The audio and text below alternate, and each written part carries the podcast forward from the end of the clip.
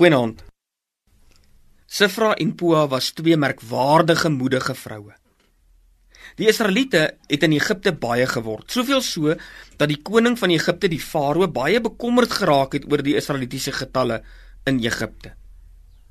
Die Egiptenare het die Israeliete slawe gemaak en toe gee die Farao die volgende opdrag aan twee vroedvroue in Egipte.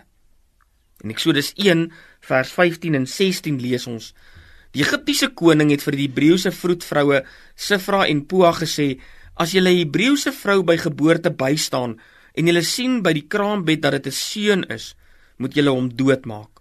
Maar as dit 'n dogter is, mag sy bly lewe."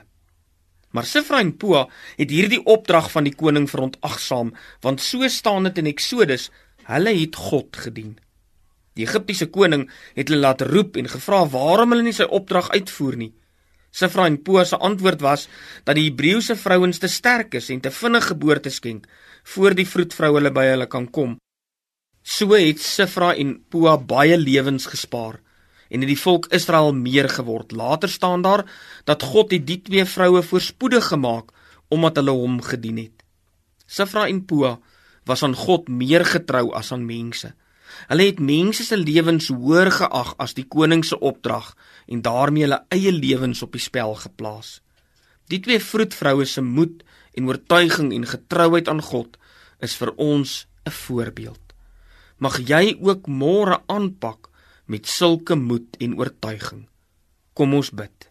Ewige God en Vader, terwyl die dag se einde nader, dank ons U vir diegene wat so baie vir ons beteken en sonder wie die lewe nooit vir ons dieselfde kan wees nie. Ons dankie Here vir hulle na wie ons ten alle tye kan gaan sonder om ooit te voel dat ons vir hulle oorlas is.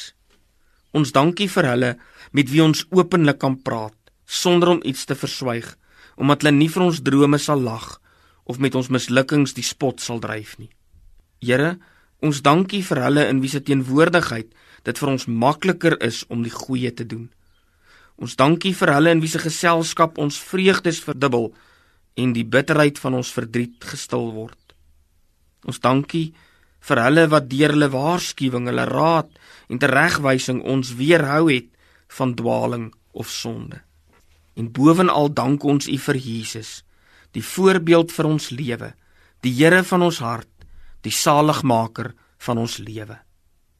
Neem aan ons dankbetuiging, Vader en gee ons vannag 'n goeie nagrus in die naam van ons Here Jesus Christus.